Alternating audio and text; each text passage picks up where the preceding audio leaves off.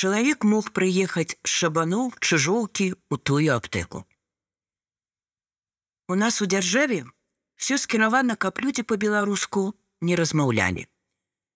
Пачынаючы са справаводства, калі ты не можаш узяць дакумент па-беларуску, табе проста адмаўляюць банкаўскія праграмы. Яны толькі па-руску. Нават на тэхнічным узроўні карыстацца мовай немагчыма.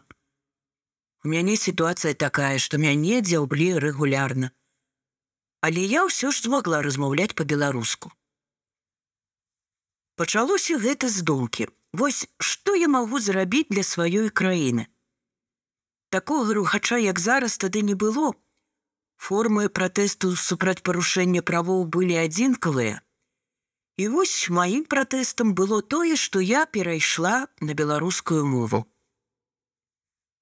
Калі я пачала працаваць у аптэках, то тут я першапачаткова пазіцыянавала сябе беларускамоўны спецыяліста падкрэслівала, што карыстаюся толькі беларускай мовай.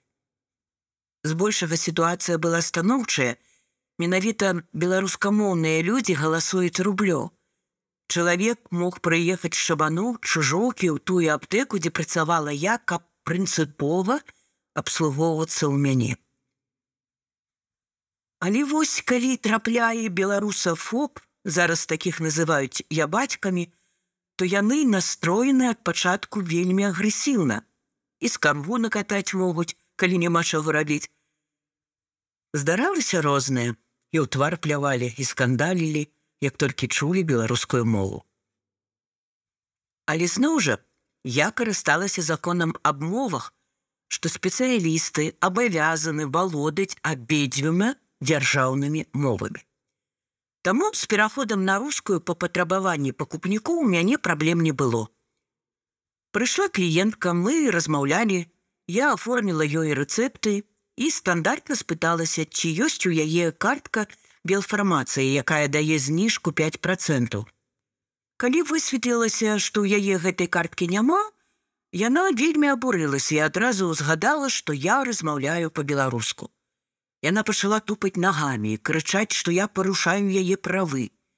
Пры гэтым яна крычала, што яна загадчыца кафедры замежных моў і вельмі добра ведае свае правы. Я ўжо перайшла з ёй на рускую мову і выбачалася, што не зразумела яе памкненне абслугоўвацца па-руску. Але яна крычала, што я парушаю яе правы і што калі прыходзіць кліенты, размаўляе па-руску. Я абавязана размаўляць па-руску. Тут прыбеглі больш дасведчаныя калегі, і яны яе ўгаворвалі супакоіцца, але яна не супакоілася і паскардзілася ў галаўную аптэку. Пасля гэтага мяне выклікалі на дыван. Я тады была маладым спецыялістам і, канешне, я не магла не памыляцца ў працы.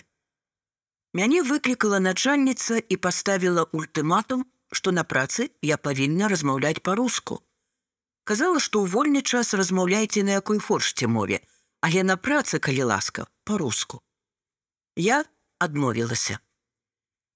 Якраз на той момант Лукашенко сказаў, што ўсе павінны ведаць сваю мову. У яго быў чарговы загон, і я прывяла гэтую цытату і дадала: Выбачайце, я якраз выконваю загад нашага прэзідэнта. Мне на гэта быў адказ. Тут я прэзідэнт, вы мне не тыкаце сваім прэзідэнтам. Гэта была загадчыца аптэкі. Я адмовілася і мне сказалі, што калі я не падпарадкуюся, будуць наступствы. І ўрэшце для мяне зрабілі такія ўмовы, што я там не змагла працаваць. Была знойдзена чарговая памылка як у маладога спецыяліста і выкруцілі так, што прыляцела не толькі мне, але і калектыву гэтай маленькай аптэкі. Мне паставілі ўмову, што або яны звальняюць мяне па артыкуле, або я сыходжу сама. Ніводнага другога маладога спецыяліста не правяралі. Вырашылі праверыць толькі беларускамоўнага. Яны сцвярджалі, што іншыя спецыялісты такіх памылак не робяць. У гэтай гісторыі ёсць цікавы працяг. Я ўладкавалася ў іншую аптэчную сетку.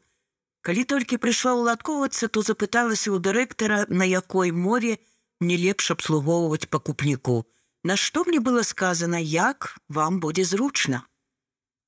Пасля мне поступила прапанова зрабіць рэкламнае інтэрв'ю для нашай аптэчнай сеткі. Я паставіла ўмову, што буду рабіць на беларускай мове.